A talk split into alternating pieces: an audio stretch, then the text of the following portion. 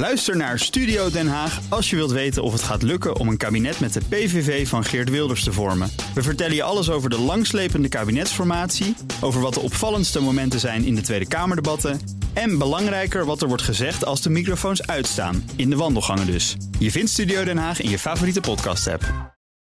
De hele week wachten we in spanning op de uitkomst van de politieke gender review party van Pieter Omtzigt.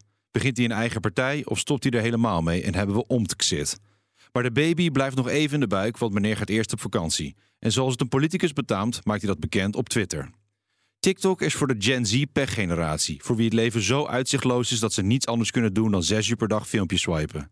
Instagram is voor de perfect gestileerde foto's van de millennial, die laten zien hoe zij na een 24 uur durende vliegreis naar Bali echt anders zijn gaan denken over klimaatverandering. Op Facebook vind je oma Ruud en tante Gea die met de camper naar Hoogkarspel zijn gereden. En op Twitter vind je politici, journalisten en gekken. Twitter is voor journalisten en politici wat het bord met kaartjes bij de Albert Heijn is voor schoonmakers en pianoleraren. Een plek waar je in een paar woorden je dienst en ideeën kan vinden en aanbieden. Heeft je artikel tegenwicht nodig? Op Twitter is over ieder onderwerp een mening, voor en tegen met evenveel passie. Mist je mening en emotionele onderbouwing? Er zijn altijd mensen op Twitter die zich er ernstig zorgen om maken. En ook al komt het merendeel van de berichten van kanalen als Stormfront4045 of antiwef vaccins en moordenaars, een anoniem signaal is ook een signaal. En dat moet je serieus nemen.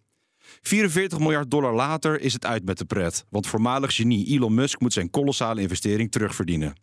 Hij gaat er eraan voorbij dat de aantrekkingskracht van het platform niet de vrijheid van meningsuiting is, maar de ijdelheid van de gebruiker.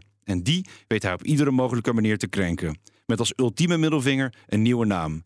Twitter is niet meer lang leven X.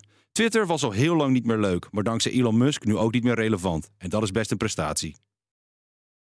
Ook Hugo Reitsma vind je in de BNR-app. Superhandig die BNR-app. Je kunt alle programma's live luisteren, breaking nieuwsmeldingen. Je blijft op de hoogte van het laatste zakelijke nieuws. En je vindt er alle BNR-podcasts, waaronder natuurlijk de belangrijkste, Boeken zijn in de wijk. Download nu de gratis BNR-app en blijf scherp.